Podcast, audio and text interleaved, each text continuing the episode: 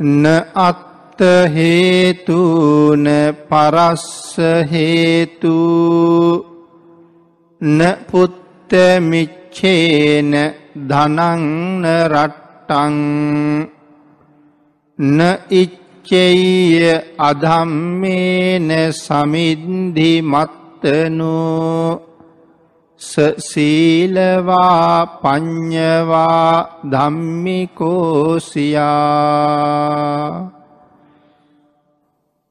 පින්නතන අද ධර්ම දේශනාවේ මාතෘකාව හැටියට යොදාගත්ත ගාථාරත්නය තමයි මම මුලින් සෙහිපත් කරන්නට යෙදනි.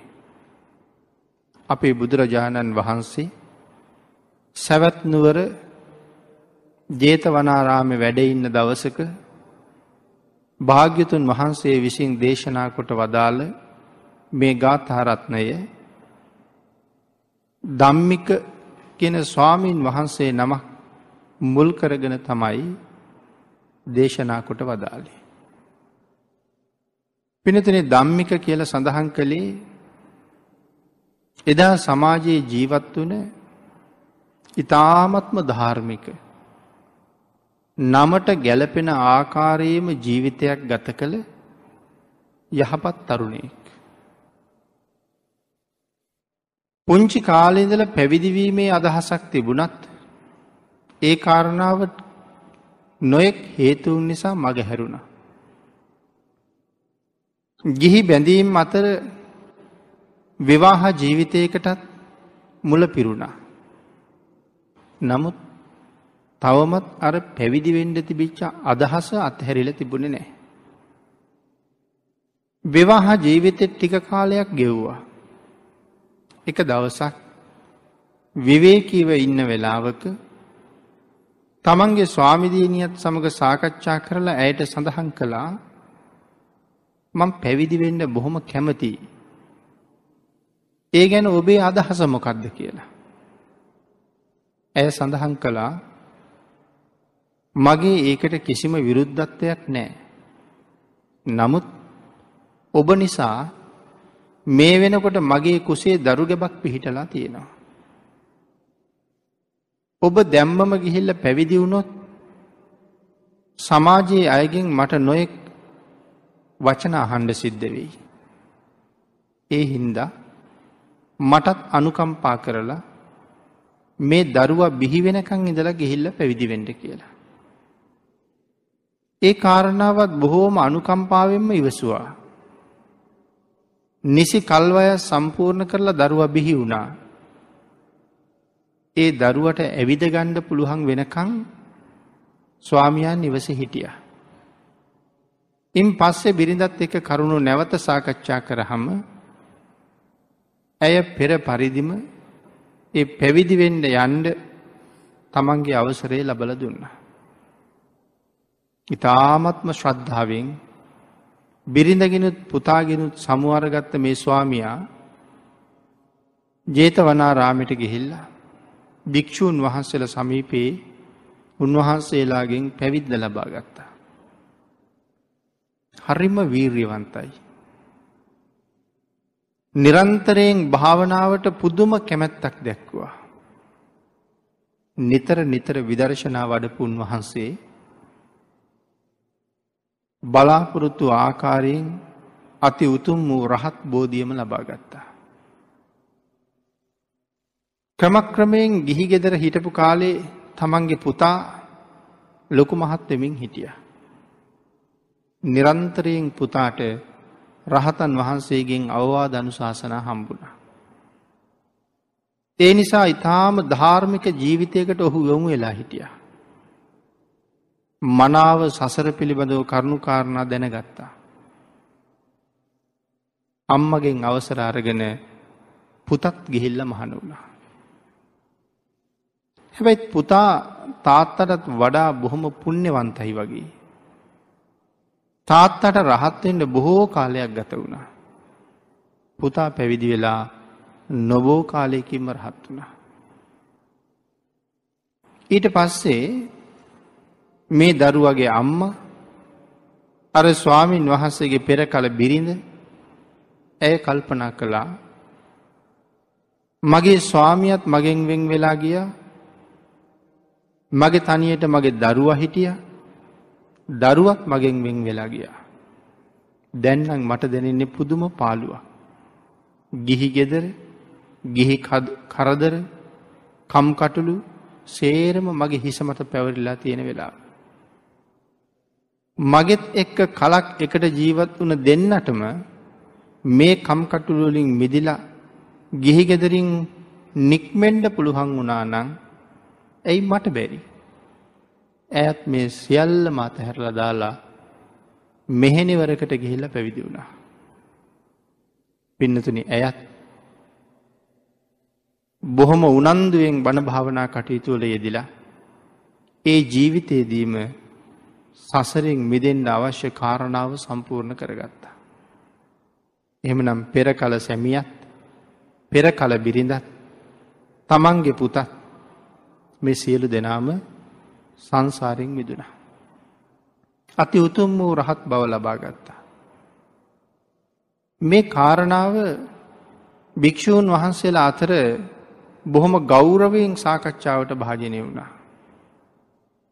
අපේ බුදුරජාණන් වහන්සේ ළඟටත් ඒ කාරණාව ගියා. ආං ඒ කාරණාව පදනම් කරගෙන තමයි අපි මුලින් ධර්ම මාතෘකාව හැටියට දේශනා කොට වදාළ ගාථාරත්නය අපේ බුදුරජාණන් වහන්සේ දේශනා කොට වදාලේ. න අත්ත හේතුූන පරස්ස හේතු න පුත්ත මිච්චේන දනන්න රට්ටා. නොයිච්චෙය අදම්වේන සමිද්ධිමත්වනෝ සසීලවා පඤ්ඥවා දම්මිකෝසිය. මේ ගාථාරත්නය සරල තේම හැටියට සඳහන් කළා යස ඉසුරු නොදැහැමින් නොකැමැති වෙන තැනැත්තා සිල්වතෙක් නැනවතෙක් දැහැමියෙක් කියලා. යස ඉසුරු නොදැහෙමින් අධාර්මික විදිහට රැස් කරගත්ත ධන සම්පත්වලට කවදාවත් මේ ගුණවත් අය කැමති වෙන්නේ නෑ. ආං එහෙම අකමැතියෙන පුද්ගලයා සිල්වතෙක් නැනවතෙක් දැහැමියෙක් කියන එකයි මේ ගාථාවේ සරල තේරුම. අපි පෙන්නතන ඒක තව ටිකක් විස්තරාත්මකව සාකච්ඡා කළොත්. න අත්ත හේතුවන පරස්ස හේතු සඳහන් කළා මේ ඥානවන්තයා කවදාවත්ම තමන්ගේ සුකවිහරණය උදෙසාවත් පව් කරන්නේ නෑ කියලා. මේ ඥානවන්තයා කියලා කියන්නේ සසර පිළිබඳව හොඳට අවබෝධ කරගත්ත පුද්ගලයා. ධර්මය හොඳට දැකපු පුද්ගලයා. අං එහෙම අයට තමයි ඥානවන්ත ඒ වගේම ධාර්මික නුවනැති අය සිල්වත් අය කියල කියන්න. ආන්ගේ නැනවත් බව සසර තියෙන භයානකත්වය අවබෝධ කරගන්නයි. ඒ කාරණාව අවබෝධ කරගත්ත හම ඒ භයානක සසරින් මිදෙන්නේ කොහොමද කියල හිතෙනවා. ඒ සසරින් මිදෙන්ඩ නම් සිල්වත් බවක්ම අවශ්‍යයි. ඒ නිසා ඥානවන්තයෝ වහවහා සිල්වත් වෙනවා. ධාර්මික වෙනවා. එනම් මේ නැනවත් කියන කාරණාව කොයි තරන් ගැඹුරු පරාසයක පැතිරෙනවාද.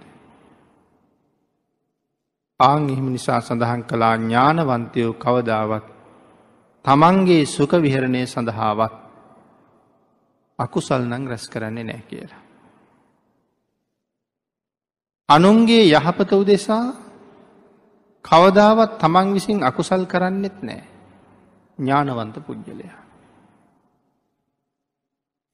තමන්ගේ යහපත උදෙසාවත් වැරදි දෙයක් කරන්නෑ කියල කිය හම මේ සංසාර ගැන මනාව අවබෝධ කරගත්තේ නැති අය.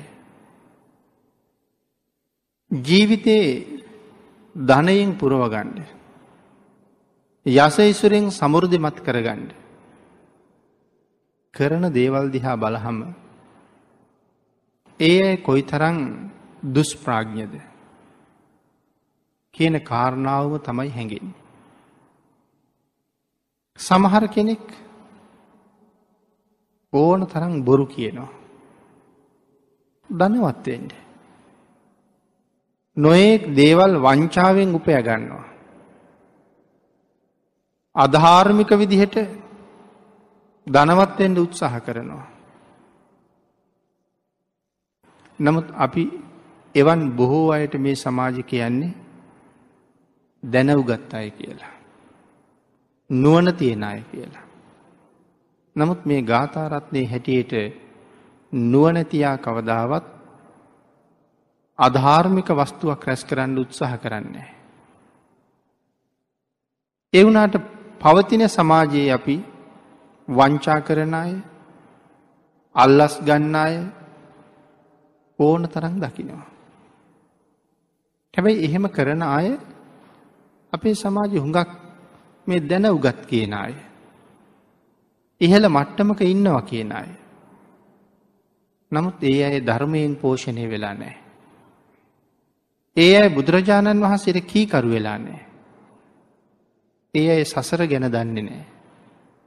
මෙහි විපාකය මොකක්ද කියන එක අවබෝධ කරල නෑ.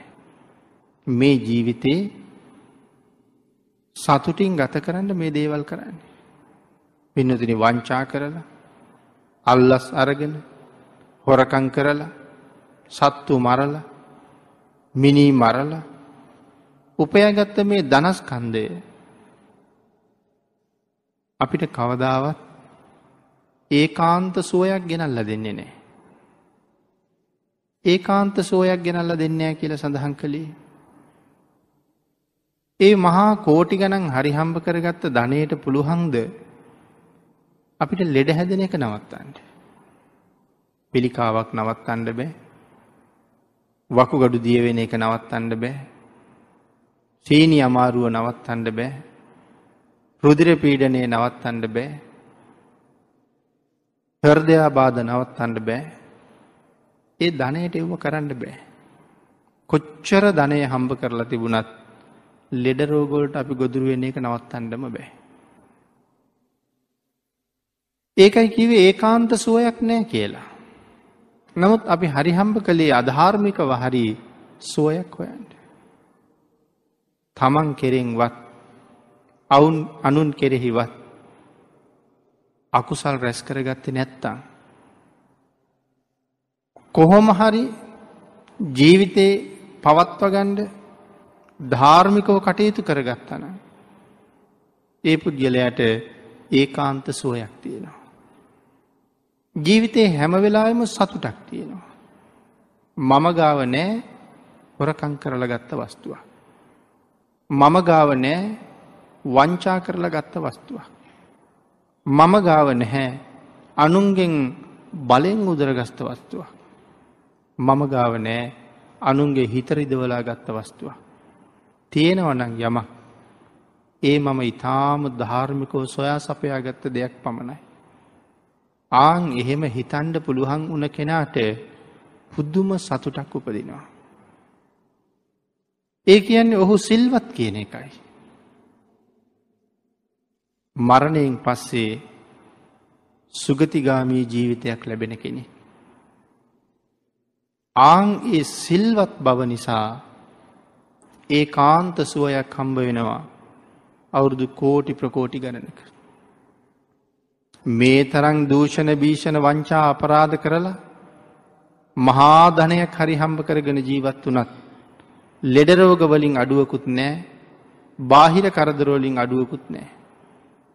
ඒ තරං ලොකු දීර්ඝ ජීවිතයකුත් නෑ අවුරුදු හැට හැත්තෑවක ජීවිතයක් තමයි තියෙන. නමුත් යමෙක් ධාර්මිකව ජීවත් වනා නං මෙහෙ දුක්විදිනවනං දුක්විඳින්ට තියෙන්නේ අවුරුදු හැට හැත්තෑවයි. හැබැයි අවුරුදු කෝටි ප්‍රකෝටි ගානක ඒ කාන්ත සුවයක් තියෙනවා. ඒ සුගතියක ඉපදුන හම එහෙදි හැදෙන්නෑ පිළිකාරෝග වකුගඩු රෝග සීනි අමාරු හර්ද රෝග යටත් පිරිසෙන් දාඩිය බින්දුවක්වත් නෑ. අවුරුදු කෝටි ප්‍රකෝටි ගානක් ඒ කාන්ත සුවයි. සුළු කාලයක් දුකසේ ජීවත්වෙනවා වැඩි කාලයක් සැපසේ ජීවත් වෙනවා. නමුත් නුවන නැති අය සුළු කාලයක සැපයක් හොයනවා දීර්ඝ කාලීන දුකක් සතරාපායීම විඳිනවා. එනම් මෙතන සඳහන් කළේ නුවන ඇති පුද්ගලයා තමන් හේතුවෙන්වත් අනුන් හේතුවෙන්වත් සියදිවි රැක ගැනීම සඳහාවත් අකටයුතු දෙයක් නොගැලපෙන දෙයක් අධාර්මික දෙයක් කරන්නේ කියලා. එතට අපි සඳහන් කළේ කෙනෙක් වංචා කරනවා කෙනෙක් අල්ලස් ගන්නවා මේ වගේ දේවල්. තව කෙනෙක් තව කෙනෙක් ප්‍රාණඝාතයට යොමු වෙනවා. කෙනෙක් දඩයන් කරලා ජීවත් වෙනවා. තව කෙනෙක් මස් පිණිස සතුන් ඇති දැඩි කරලා ඉක්මට පෝසත් වෙන්න කල්පනා කරනවා. මේවාගේ හිතන අයත් ඉන්නවා. හැබැයි ඉතින් මේ ධර්මය හැටියට ඒත් නුවන තියෙන අය කියලා සඳහන් කරන්නේ සඳහන් කරන්නේ නෑ. ඊළඟට ඒ පුද්ගලයා ඒවාගේ අකුසල් රැස් කරලා තියෙන්නේ තමන්ගේ ඒ කාන්ත සුවයක් නැතන් තමන්ගේ මේ ජීවිතය යහපත් කර ගැනීම උදෙසා විතරක් නෙමෙයි අනුන් නිසා. දරුවන්ට යහපත් කළ දවසක් ස්වාමිදීනය කැමති විදිහට ජීවත්වෙන්ට පරිසරයක් හදල දෙන්න කියලා හිතාගෙන ඒ පුද්ගලයා පව් කරනවා. සමහරලාවට සමාජීය කටයුතු සඳහා නෑදෑයන්ගේ කටයුතු සඳහා යුතුකං සම්පූර්ණ උදෙසා ඒ පුද්ගලය පව් කරනවා. මේ කාරණාවට හොඳ උදාහරණයක් තියෙන සූත්‍ර දේශනාවක් තියෙනවා අපේ ත්‍රපිටකේ ධනංජානි සූත්‍රය කියලා. මේ ධනංජානි කියන බ්‍රාහ්මණයත් එහෙමයි කළේ. රජ්ජුරුවන්ගේ ප්‍රධාන අමාත්‍යවරේ. හරියට පව් කරනවා. මිනිස්සුන්ගෙන් අල්ලස් ගන්නවා. මිනිස්සුන්ගේ ධනය හරියට පැහැරගත්තා. නොකට යුද විදිහට. රජ්ජුරුව උපදෙස් දීල තියෙන්නේ අහිංසක මිනිස්සු බොහෝම අමාරුවෙන් තමයි ජීවත්වෙන්නේ. ඈත පිටිසර ගම්දනව්වල ඉන්න අය ඉතාම දුකසේ ජීවත්වෙන්නේ. ඒ මිනිස්සුන්ගෙන් අය බදු එකතු කරන්න ගියහම ඒ මිනිස්සුන්ටත් දරුවන්ටත් කාලබීල ජීවත්තෙන්ට ඉතුරු කරලා. නමුත් රජයට බද්දක් අවශ්‍ය නිසා යන්තන් සුළු ප්‍රමාණයක් ගණ්ඩ කියලා. නමුත් මේ ධනංජානි බ්‍රාහ්මණය ගිහිල්ල මොකද කරන්නේ. අර මිනිස්සුන්ට එදා වේලවත් කණ්ඩ ඉතුරු කරන්නේ නෑ ඒ සියල්ලම අය බද්ධට ගන්නවා. මිනිස්සු අඩාවැල පෙනව දරුමල්ලොත් එක මොනවා කාලද ජීවත්වයනෙ කියලා. බ්‍රාහ්මණයක් තමන් හොඳ වෙලා රජ්ජුරුවන්ගේ උඩ වැරද්ද තියෙනවා මේක රාජාඥාව මට කරන්න දෙයක් නෑ. එක දවසක් අපේ සැරියොත් මහරහතන් වහන්සේ මුණගෙහිච්ච භික්‍ෂූන් වහන්සේ නමකින් මේ බ්‍රාහ්මණය ගැන තොරතුරු වැැහවා. ඒ කියන්නේ මේ බ්‍රාහ්මණය කලින් සැරියුත් මහරහතන් වහන්සේ හොඳට දන්න කෙනෙ. අර ස්වාමීන් වහස සඳහන් කළ අනේ ස්වාමීණි හරි කනගාටුයි. දනංජානිනං ආය මෙලව වසන්ඩ කටයුතු නෙමෙයි කරගන්නේ. සුගතියක යන්ඩ කටයුතු නෙවෙයි කරන්නේ. දනංජානී සතරාපාය යන්ඩ තරම් මහ පව්මයි රැස් කරන්නේ. පිනතුන ඒ කාරණාව දැනගත්තට පස්සේ සැරියොත් මහරහතන් වහන්සේට මහ සංවේගයක් ඇති වුණා. දැම් බලන්නක මේ කාරණාව තියෙන ගැලපීම දනංජානය බ්‍රාහ්මණය පව් කරන බව දැනගත්තාහම සැරියුත් මහරහතන් වහසට ඇතිවුණේ මහපුදුම මහපුදුම සංවේගයක්. උන්වහන්සේ විශාල භික්‍ෂූන් වහන්සේල පිරිසක් එක්ක වෙනත් ප්‍රදේශයකට ධර්මචාරිකාය වඩිමින් ඉන්නේ. නමුත් තමන් ටිකක් දන්න හඳුනන දනංජානි පව් කරලා අල්ලස් අරගෙන වංචා කරලා අපායට යනවා. ඒ ගැනයි සංවේගේ. එහෙමනම් මේ නුවනැති උතුමන් වහන්සේලා සසර ගැන කොච්චර දැනගෙන ඉන්නවද. සසර මොන තරම් භයානකයිද කියන කාරණාව උන්වහන්සේලාට මොන තරම් වැටහුණාද. නමුත් පින්නතින නුවන මදි නිසාම අපිට වැටහෙන්නේ. ඒ නිසා කුසල් කරනවා සමාජය අය හුඟක් අඩුවෙන් තමයි දකිින්. තමන් කුසල සම්පන්න වෙන්නෙත් නැහැ තමන් නිසා මේ ලෝකයට ඉපදුන දූදරුවන් සෙල්වතුන් ගුණවතුන් කරන්න වීරය වඩන බවක් උත්සාහ දරණ බවක් දකින්නත් නෑ. එහෙමනම් අපි ගාව තියෙන මේ සත්පුරුෂ ධර්මය කියන එක කොයි තරන් අපෙන් ඈත් වෙලාද කියන කාරණාව හොඳට සමාජයෙන් ඉස්මතු වෙලා පේනවා. අපි අපේ දරුව හරියට නිවැරදි කරපු නැති නිසා ඒගොල්ලු හැරිච්ච හැරිච්ච අතේ පෞසිද්ධ කරගන්න. මව්පියන්ට කතා කරන්න දන්නේ මව්පියෝ ඇසුරු කරන්න දන්නේ නැහැ ගුරුවරුන්ට කතා කරන්න දන්නේ නෑ සමාජයේ වැඩිහිටියන්ට ගරු කරන්න දන්නේ නැහැ. තුනුරුවන් අඳුරන්නේ නෑ. පිදිය යුත්තන් කෞුද කියලා මනාව හොයාගෙන ඒ අයට පුද පූජා පවත්වලා බොහෝ කුසල් රැස් කරගන්න දන්නේ නැහැ. මේ මේ නිසා අප්‍රමාණ අකුසල් කන්දක් රැස් කරගන්නවා. මව්පියන්ටත් බොරු කියනවා ගුරුවරුන්ටත් බොරු කියනවා මව්පියන්ටත් වංචා කරනවා ගුණවතුන්ටත් වංචා කරනවා. ඒ නිසත් අප්‍රමාණ අකුසල් රැස් කරගන්නවා. දැන් සැරියුත් මහරහතන් වහන්සේට දනංජානි ගැන ඇතිවුණා වගේ සංවේගයක් අපිට අපේ දරුව පිළිබඳවත් ඇති වෙලා තියෙනවද. අපිට එහෙම සංවේගයක් නෑ. ඒගොල්ලු ඇති තරම් පව් කරගන්නවා නිරේවල් වල ගිහිල්ල උපදිනවා. මොකද සංවේගයක් අපිට ඇතිවෙන්නේ නැත්තේ අපි මේ සසර භයානක බව දන්න ඇතිහින්ට. නමුත් අපේ සැරියුත් මහරහතන් වහන්සේ වැඩම කරමින් හිටපු ධර්මචාරිකාව නතර කරලා දනංජානි හොයාගෙන නැවත යොදුන් ගානක් පයිම්ම වැඩිය. දනංජානිව නිරේම් බේරගන්ට.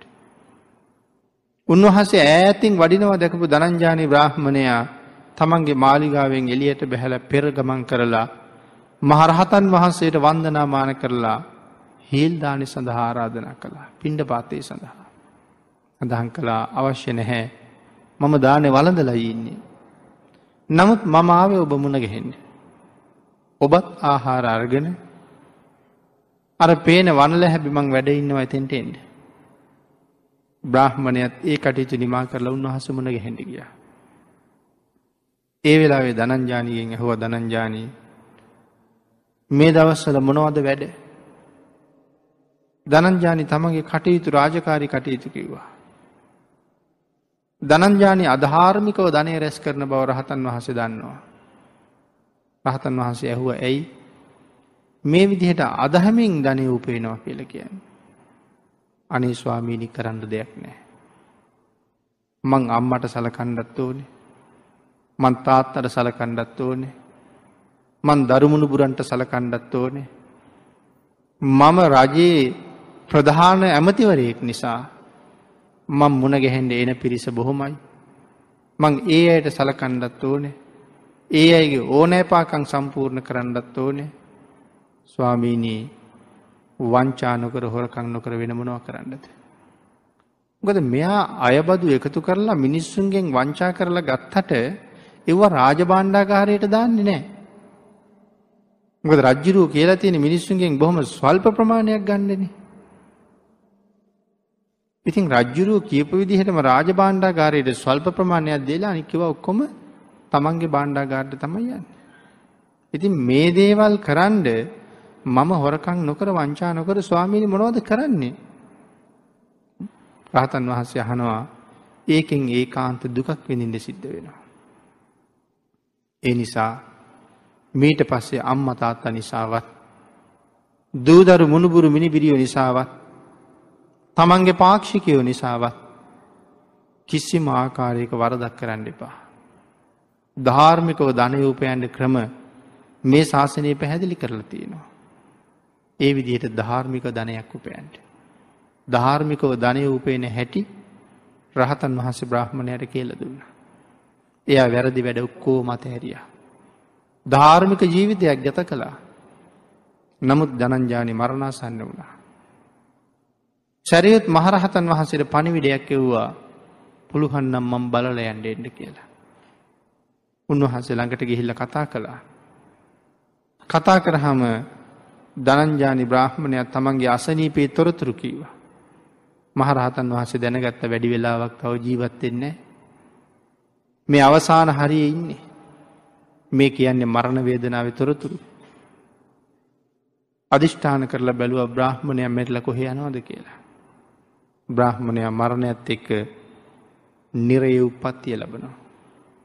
තවත් සංවේගයක් ඇති වුණා මං වගේ මහ සත්පුරුෂයෙක් ළඟ ඉඳලා මේ බ්‍රහ්මණය නිරේට යනකම් මන් නිශ්ශබ්ද වෙන්නේ කොහොමද. දැන් එතකොට මේ සත්පුරුෂයෝ හැම වෙලාවෙම උත්සාහ කළේ අන්න අය නිරයෙන් බේරගණ්ඩමයි. මහරහතන් වහන්සේ කල්පනා කළා බ්‍රාහ්මණය බේරන්ඩ තියෙනවනම් ක්‍රමයක් මොකක්ද. බ්‍රාහ්මණයගෙන් ඇහුව බ්‍රාහ්මණය මැරලා අපායට යන්න කැමතිද තිරිසනෙක් වෙන්න කැමතිද. බ්‍රාහ්මණය කියනවා නිරේට වඩා තිරිසං ලෝක හොඳයි. බ්‍රාහ්මණය ඇයි ප්‍රේතලෝක හොඳ නැද්ද. ස්වාමීනි තිරිසනෙක් වෙනවට වඩා ප්‍රේතයෙක් වෙන එක හොඳයි. ඇයි බ්‍රහ්මණය මිනිහෙක් වෙන එක. ඇයි බ්‍රහ්මණය දෙවියෙක් වෙන එක. මෙහෙම මෙහෙම කතා කරලා බමුණ අරගෙන ගියා බඹලෝට යනකා. දිවිය ලෝකෙට වඩා බඹලෝ උපදින එක සැපයි ස්වාමීණි කළ සඳහන් කළා. අපේ සැරියුත් මහරහතන් වහන්සේ මේ බ්‍රාහ්මණයට මරණ මංචකයේදීම මෛත්‍රී වඩන හැටි ගැන්නවා. උන්වහන්සේ උගන්නපු විදිහට ස්වල්ප වෙලාවක් හරියටම දනංජානී මෛත්‍රී වැඩුවා. මරණයත් එක්කම දනංජානි බඹලෝ උපත්තිය ලැබවා. එතකොට මේ සඳහන් කළේ තමන් නිසාවත් අනුන් නිසාවත් වැරදි කරන්න එපා. ඒක භයානකත්වයේ සීමාව පෙන්න්නට බෑ. සාරිපුත්තයන් වහන්සේ වගේ මහ සත්පුරුෂයෝ දන්නවා මේ කරන දේවල්වල විපාක කොයි තරන් දරුණුද කියලා. ඒකයි සියලු කටයුතු නතර කර ලැවිල්ලා දනංජානි යහමකට ගත්තේ. නමුත් දනංජානි හුඟ පව් කරා දනංජානිගේ මරණ මොහොත ළඟට ගිහිල්ලා නිරයට යොමුවෙච්ච දනංජානි සුගතියට හැරෙව්වා. ඒ නිරයේ තරම්ම භයානක නිසා. එහෙමනම් මේ ගාථාව සඳහන් කරන මෙන්න මේ නුව නැති පුද්ගලයා මේ මේ භයානක සසර ගමන ගැන දැනගෙන හැම වෙලාම පව්කරනකින් අතමිදෙන්ඩ මුත්සාහ කරනවා. ඊළඟට සඳහන් කළා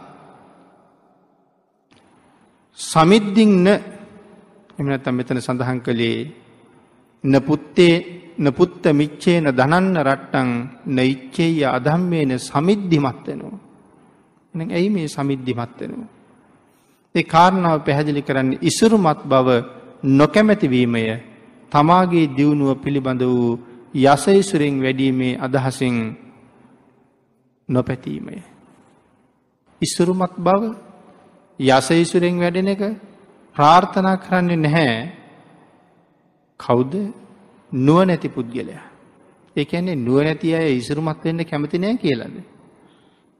එහෙම නෙමෙයි සඳහන් කළේ. නුවන තියෙන අය අධාර්මිකව උපයාගත්ත වස්තුවකින් පෝසත්වෙන්න කවදාවත් කල්පනා කරන්නේ නෑ. ධාර්මිකව උපයා සපයාගත්ත වස්තුවකින් පෝසත්වන එක තමයි එකම පරමාර්ථය. එදාට ඒ වස්තුව කොතන තියෙනවා දැක්කත් දුකක් හිතෙන්නේ. බයක් හිතෙන්නේ. පිනතුන මෙහෙම කල්පනා කරන්නකු. කෙනෙක් අපි ඔය කතා කරපු විදියට අධාර්මිකව හම්බ කළා. ගෙවල් දොරවල් හැදුවෙත් අධාර්මික මුදල් වලින්. යානවාහන ගත්තෙත් අධාර්මික ධනයෙන්. නොයෙක් සැපසම්පත් යසයිසුරු බුක්තිමිදින්නෙත් අධාර්මික ධනයෙන්. මේ පුද්ගලයා දවසක තද බල විදිහට අසනීප වෙනවා. තමන්ගේ ගේ ඇතුළේ යහනක වැතිරිලා තනියම කල්පනා කරනවා. ආංගේ කල්පනා කරන ඔහුට තමන් පුළුවන් කාලෙ කරපු අකටයුතුකං එකක් එකක් ගානි මතක් වෙන්ඩ පටන් ගන්නවා. ගෙදර වහලි දිහා බලහම් වහලි හෙවිලි කරලා තියෙන උළු කැට දිහා බලහම් ඔහුට ඒ උළු කැටවලින් පේන්නේ මේ උළු ටික ලබාගන්න මං මොන තරං වංචා කටයුතුල යෙදනද. මේ පරාල ටික වහලට ගහගන්න මං කොයි තරං වංචාවල් කෙරුවද. මේ සැතපිලා ඉන්න ඇඳං ලබාගණ්ඩ මං මොන තරං අධාර්මිකව ධනය ඉපෙව්වද. වංචා කෙරුවා අල්ලස් ගත්තා ප්‍රාණඝත කළා අධාර්මික විදිහට වෙළඳාම් කළා මේ විදිහට නොකට යුත්තෙම්ම හරිහම්බ කරගත්ත දේවල් තමයි ගේ පුරාම පේන්ඩිතින්නේ. දකින දකින බාණ්ඩයක් බාණ්ඩයක් පාසා ඔහුට ඔහු කරපු නොකට යුතුකම් සිහිපත්වෙන්ට පටන් ගන්නවා. දැන් එතකොට මේගේ ඇතුළි ඉඳලා මොහුට සැනසිලි හුසුමක් හෙළන්ඩ පුළුවන් වෙයිද. සතුටුවෙන්ට පුළුවන් දෙයක් තියෙනවාද ඒගේ බැලූ බැලූ පත්ති. ආං එහෙම නැති නිසා අමතක වෙලා තිබිච්ච අකුසල කරමයන් පවා දකිනකොට දකිනකොට ආපහු ආපහු මතක් වෙනවා. ඒ නිසා තව තවත් තව තවත් අකුසලේම බලවත් වෙනවා. ඒකයි මෙතන සඳහන් කළේ අධාර්මිකව හරි හම්බ කරගත්ත. නොදැහැමින් හරි හම්බ කරගත්ත දෙයක්. තමන් සතු නොවෙන්ඩ හැම වෙලාම ඥානවන්තයා වග බලාගන්නවා. සසීලවා පඤ්ඥවා සඳහන් කළා සිල්වත් නැනවත් බව ගිහියෙක් වුවත් පැවිද්දෙක්වුවත් ඒ කාන්තේම වුවමනයි කියලා. මේ සිල්වත් බව ගුණවත් බව ඥානවන්ත බව ගිහි පැවිදි දෙපාර්ශවයටම අවශ්‍යම කාරණාවක් හැටියටයි සඳහන් කරන්නේ. මොකද යම් දවසක පිහිටක් තියෙනව නම් පිහිටක් වෙන්න පින්නදන අපි විසින් සම්පූර්ණ කරගත්ත මෙ සීලාදී ගුණ ධර්ම. ඒ සීලාදී ගුණධර්මෝලට තමයි පුද්ගලයා සුගතියට ගෙනියන්න පුළුවන්කම තියෙන. ධම්මික ස්වාමීන් වහන්සේගේ කතාව අපි මීට කලින් බොහොම කලියෙන් කෙටියෙන් ශ්‍රවණය කළා. දැනගත්තා. සංසාරය බය දැකල ගිහි ගෙදර ඉඳලා හරියට ඒටික පූරණය කරගණ්ඩ බැරිවෙයි කියලා හිතල ස්වාමිදීනයකින් බොහොම කාරුණික ඉල්ලීමක් කළා. මට පැවිදි වෙන්ඩ අවසර දෙන්න කියලා. ඇගේ අනුකම්පාවත් ලැබුණ නිසා පැවිදි වෙන්ඩ වාසනාව තිබුණා. පැවිදි වෙලා ඔහේ දවස ගෙව්වෙ නෑ මං පැවිද්දෙක් කියලා හිතලා. බොහෝ වීරිය කළා. බොහෝම මහන්සි වුණා. ඉතාම කැපකිරීම් කළා. ආර්යන් වහන්සේලා ප්‍රසංසා කරන පුද්ගලයෙක් බවට පත් වුණා. කවුද මේ ආර්යන් වහන්සේලා ප්‍රසංසා කරන අය කියල කියන්නේ. විසි හතර පැයම ඉතාම සිහි කල්පනාවෙන් සිල් ගුණපුරණ අය. ආං ඒ අයි දිහා බලහම ආර්යන් වහන්සල සතුට වෙනවා. එතකොට ආර්යන් වහන්සල සතුට වෙන්නේ විසිහතර පෑම මනා සිහියෙන් තමන්ගේ සිල් මතම කටයුතු කරන අය. හොඳ සිහියක් තියෙන අයි. පාපයක් වෙන්ඩ ඉඩක් ඇත්තෙම නෑ. හරි සතුටුයි. එතකොට අපි දිහා බලහමත් ආර්යන් වහන්සේලාට සතුටු වෙන්ඩ පුළුවන් ඇද්ද කියන කාරණාව අපි ආවර්ජනය කරලා බලන්ඩුන්නේ. සිල් ගුණ හීන වෙන්ඩ හීන වෙන්ඩ උන්වහන්සේලා අපි දිහා හෙළන බැල්ම අඩුවෙනවා. අහක බලන්ඩ පටන් ගන්නවා. සිල්වතුන් ගුණවතුන් දිහා තම යාරයන් වහන්සල බලන්න. එහෙමනං දෙවිවරු බ්‍රහ්මරාජය සුද්දා වාසවල වැඩඉන්න උත්තමයන් වහන්සේලා නොයෙක් නොයෙක් කරදර කම්කටලුවලට මනුස්සලෝක ඉන්න අය මූුණ දෙනකොට ඇල්ම බැල්ම හෙළලා අනුකම්පාව යොදලා උන්වහන්සේලාගේ ශක්තියෙන් අපි සුරක්ෂිත කරනවනං ඒ සුරක්ෂිත කිරීම තීරණය කරන්නේ අපි ගාව තියෙන සිල් මත. අපි පුරණ ගුණ මත අපි හැසිරෙන ආකාරයට බුදුරජාණන් වහන්සේට කීකරු වෙච්ච ප්‍රමාණය කොයි තරන්ද ආන්ගේ ප්‍රමාණය දිහා බලල තමයි උන්වහන්සේලා අපිට අනුකම්පා කරන්න පටන්ගන්න. සිල්වත් අය ගුණවත් අය හිගවෙන්ඩ හිගවෙන්ඩ මේ උතුමන් වහන්සේලාද අපෙන් අහක බලනවා. හැබැ වර්තමානය ගැන කල්පනා කරලා බැලුවොත් උන්වහන්සේලා අපිත් එක ඒ තරං සතුටක් කැමැත්තක් අපි පිළිබඳව දක්වන බවක් මට හිතෙන්නේ පේන්නේ නෑ කියලා. උන්වහන්සේලා මහ සිල්වත් ගුණවත් අය.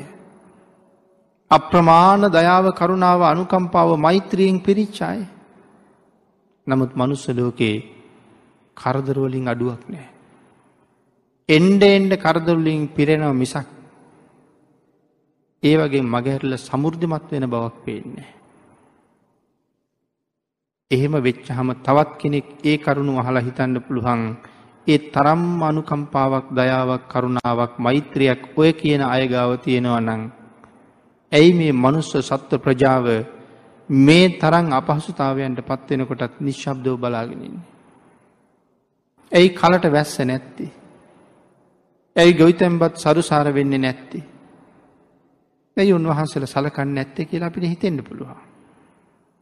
ඇයි උන්වහන්සේලා එහෙනම් අපි ගිහා එහෙමුවත් බල්ල අනුග්‍රහයක් දක්වන්න නැත්ති. බැස්ස වලාහක දෙවියෝ එහෙම වැඩි ප්‍රමාණයක් සෝවාන් වෙච්චාය. නමුත් කලට වැහි ලැබෙන බවක් පේන්න නෑ. වැස්සොත් විනාස වෙන්නම වහිනවා පායන්ඩ ගත්තොත් ඒත් එහෙමයි. පිනතුන උන්වහන්සේලා අපිට සලකනවා අඩුවෙලා තියෙන්නේ. අපිට හොඳට වැස්ස වතුර ලැබිල සලකණ්ඩ පටන් ගත්තුත් හරියට ඒක කොයිවාගේ වෙනවද.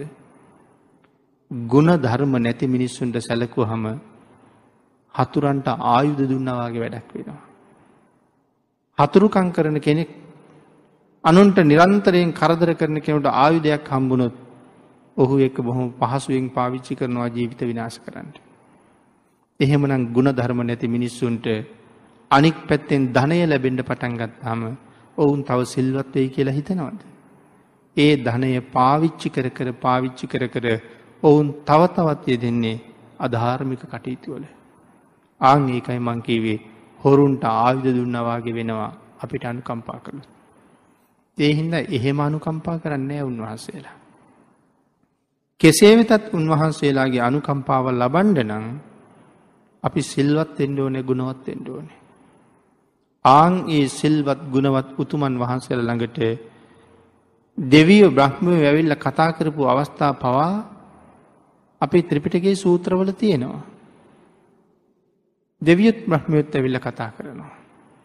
නොෙක් අවවා දනු ශාසනා කරනවා. නොෙක් කරුණු විමසනවා. ඒ අපි සිල්වත් නිසා. එහෙමනම් මේ ගාථාව සඳහන් කළේ මොනම හේතුවක් නිසාවත්. කවුරු නිසාවත් තමන්ගේ සීලයට තමන්ගේ ගුණයට හානි කරගණ්ඩ එපා කියලා. තමන් නිසාවත් අනුන් නිසාවත් අකුසල් නං රැස් කර ගණ්ඩ එපා කියලා. මොකද ඒක පාඩුවක්මයි. ආං ඒ නිසා හැම වෙලායම අපි කල්පනා කරන්න ඕනේ. හැම වෙලායම උත්සාහ කරන්න ඕනේ. බුදුරජාණන් වහන්සේටම කීකරුවෙන්ට. බුදුරජාණන් වහන්සේගේ මාර්ගයට මවතීරණ වෙන්ඩ. එදාට තමයි පින්නතුනේ හැබෑම බෞද්ධයෙක් බවට පත්තෙන්ට පුළුවන් වෙන්නේ. භාගිතුන් වහසිර කීකරු වෙච්ච දවසට. ඒ බෞද්ධයක් කියල කීවේ හැබෑම ශ්‍රාවකයට. ශ්‍රාවක කියල කියහම සිව්වනක් පිරිසක් ඉන්නවා. ඒ සිව්වනක් පිරිසම බුදුරජාණන් වහන්සේගේ ශ්‍රාවක.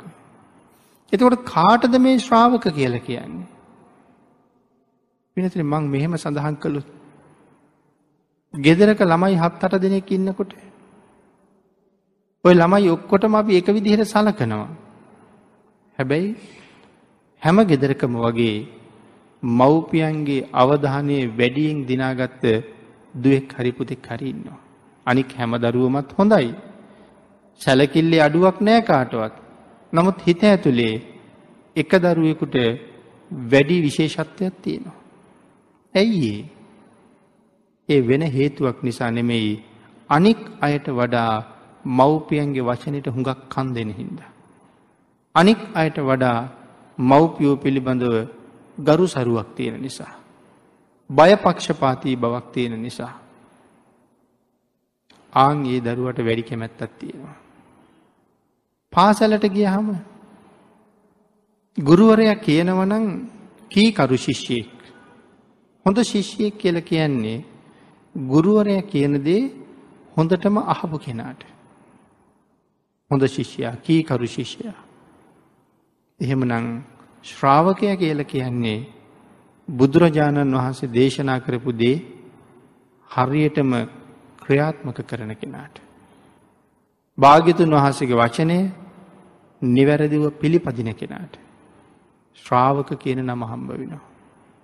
එතකොට අපිට හිතන්ඩ දේවල් කොච්චර තියෙනවද. භාග්‍යතුන් වහන්සගේ වචනයට විරුද්ධ අපි ශ්‍රාවක කියලා හිතාගෙන හිටියට තාම ශ්‍රාවක වෙලා ශ්‍රාවක වෙලා නෑතාම. අපේ හිතේ විතරයි තියෙන්නේ. නමුත් මේ භයානක සංසාරයෙන් එතර යන්න පුළුහංකම තියෙන්නේ බුදුරජාණන් වහන්සගේ ශ්‍රාවකයන්ට විතරයි. සුගතියක ගියානං නිවනට ගියානං ඒ උතුම් බුද්ධ ශ්‍රාවකයකුට විතරයි. අර එක සූත්‍රයක සඳහන් කරනවා වච්චගොත්ත සූත්‍රයේ. වච්චකොත්ත බ්‍රාහ්මණය ඇවිල්ලා බුදුරජාණන් වහන්සේගෙන් අහනවා ස්වාමීනී මේ ගිහි බැඳීම් වල ඉඳලා සසර කෙරවල කරගත්ත කෙනෙක් ඉන්නවාද කියලා. ගිහි බැඳීමක ඉඳලා සසර කෙරවලු කෙරපු කෙනෙක් නිවන් දැක්ක කෙනෙක් ඉන්නවාද. බුදුරජාණන් වහන් සඳහන් කලා නෑ බ්‍රහ්මණය. එහෙම බැඳීම් ගොඩක ඉඳලා නිවනට ගිපු කවුරුවත් නෑ. අත් හැරලත් හැරලත් හැරලා නිදහස් වෙච්ච කෙනෙක් තමයි නිවනට ගී. ඊළඟට වච්චකොත්ත බ්‍රහ්මණය අහනවා ස්වාමීනී ගිහි බැඳීම් වල ඉඳලා සුගතියට ගියපු අය ඉන්නවද. එක් කෙනෙක් නෙමෙයි දෙන්නෙක් නෙමෙයි සීයක් නෙමෙයි දාහක් දහදාහක් නෙමෙයි බ්‍රහ්මය ලක්ස ගනන් කෝටි ගනන් ගිහි බැඳීම් වල ඉඳගෙන ගිහි කටයුතු කරගෙන සුගතියට ගියපු අයි ඉන්නවා. ඊළඟට බ්‍රහ්මණය අහනවා ස්වාමීනී අන්‍ය ලබ්ධික වූ කිසියම් කෙනෙක් සංසාරයෙන් එතර වුණා කියලා ඔබහන්ස කියනවාද. ඒ වෙලායි සඳහන් කළා නෑ බ්‍රහ්මණය. කොහොමුවත් අන්‍ය ලබ්ධික කෙනෙක් එහෙම වෙලා නෑ. ස්වාමීනී අන්‍ය ලබ්ධික කෙනෙක් දෙව්ලව ගියා කියලා ඔබහන්සේ සඳහන් කරනවාද. ඒ වෙලා භාගිතුන් වහන් සඳහන් කලා බ්‍රහ්මණය මෙතන ඉඳලා මහා කල්ප අනුව එක මං ආපහු බලනවා. ආන්ගේ මහා කල්ප අනු එක ඇතුළේ එකම එක අන්‍ය ලබ්ධිකයෙක් සුගතියට ගිහිල්ල තියෙනවා. මහා කල්ප අනු එකක් ඇතුළේ එක්කෙනයි ගිහිල්ල තියෙන්නේ. ඒත් සඳහන් කරනවා මේ පිම් පව්වල නැතන් අපි කරන කර්මවල විපාක තියෙනවා කියලා පිළිගත්තා. අන්‍ය ලබ්ධික බව ඇත්ත නමුත් වැරදි වැඩ කෙරුවොත් ඒකට වැරදි විපාක හම්බ වෙනවා හොඳ වැඩහ කෙරුවොත් එකට හොඳ විපාක හම්බෙනවා. ආංගේ කාරණාව පිළිගත්ත කෙනෙක් එක් කෙනෙක් දෙව්ලව ගිහිල්ල තියෙනවා. එහෙමනං මේ සංසාරෙන් එතරගේ භාගිතුන් වහසිර කීකරු වෙච්චායමයි. සුගතියට ගිය බුදුරජාණන් වහසිර කීකරු වෙච්චායමයි. මේ ලෝකෙ නොඒක් ආගං තියෙනවා. හැම ආගමකම ප්‍රධාන දෙවියෙක් මූලික කරගත්ත ආගමක්. නමුත් ඔබටයි මටයි තියෙන්නේ. ඒ සියලු දෙවියන්ටමත් දෙවියෙක් වෙච්ච ලොවතුරා බුදුරජාණන් වහන්සගේ අනුශාසනාව. ආංගේ අනුශාසනාවට කීකරු වෙච්ච කෙනාට මේ ගාථාවි සඳහන් කරන්නේ ඥානවන්තය කියලා. නුව නැත්ත කියලා. එහෙමනම් හැබෑ බුද්ධශ්‍රාවකු හරි නුව නැති අය. හරි ඥානවන්තයි. ආං එවන් නුවනැත්තෙක් ඥානවන්තයෙක් බවට පත්තෙන් භාග්‍යතුන් වහන්සේගේ ශ්‍රාවකයෙක් බවට පත්තෙන්ට. ඔබ සියලු දෙනාටම ලැබිච්ච මේ උතුම් ජීවිතයෙන් තුනුරුවන්ගේ ආශිර්වාදයෙන්ම ශක්තිය දහිරිය භාග්‍ය වාසනාව උදාවේවා කියල ප්‍රාර්ථනා කරනවා.